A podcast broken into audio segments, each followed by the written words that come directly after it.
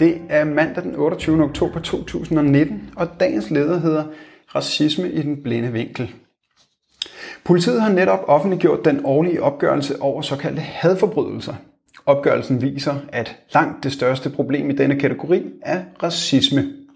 Over halvdelen af sagerne er racistiske forbrydelser, begået på grund af offrets hudfarve, nationalitet eller etniske oprindelse.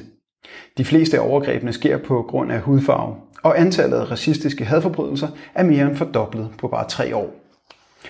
Den næsttypiske årsag til hadforbrydelser er offerets religiøse overbevisning. Her er den gruppe, som bliver udsat for flest hadforbrydelser, muslimer.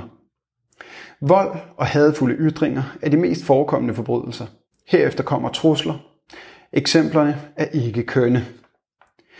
En person henvendte sig til forurettede og dennes tre måneder gamle barn. Personen sagde blandt andet til forurettede, I lugter ligesom rotter. Personen spyttede forurettede fire gange i ansigtet. Vi hører meget sjældent om disse overfald og forbrydelser i medierne, der derimod er hurtige til at sætte spot på muslimer eller flygtninge, når nogle blandt disse minoritetsgrupper går over grænsen. Den racistiske chikane stortrives i Danmark. Den findes i lovgivningen, i medierne, på arbejdspladsen, i skolerne, på nettet og på gaden. Både som den såkaldte hverdagsracisme og som målrettet overfald og chikane foretaget af organiserede racister. Den gødes af højrefløjens partier og en politik, der rækker langt ind i regeringskontorerne.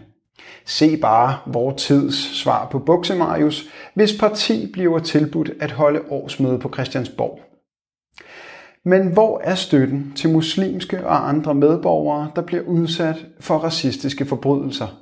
Hvor er den brede folkelige antiracistiske pride? Heldigvis er der masser af antiracisme. Om kort tid bliver årsdagen for krystalnatten markeret.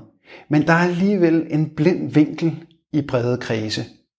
Ligesom vi ikke skal lukke øjnene for problemer med integration, skal vi se og bekæmpe enhver form for racisme.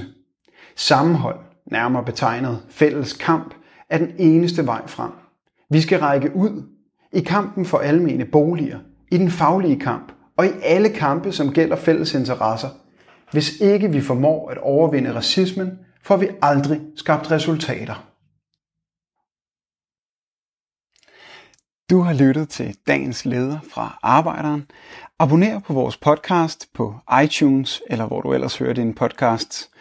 Du kan også klikke ind på arbejderen.dk for meget mere journalistisk indhold. Du er også velkommen til at følge Arbejderen på Facebook, Instagram eller Twitter, samt tilmelde dig Arbejderens daglige opdatering på Messenger.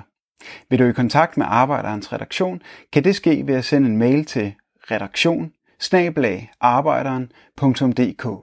Tak fordi du lyttede med.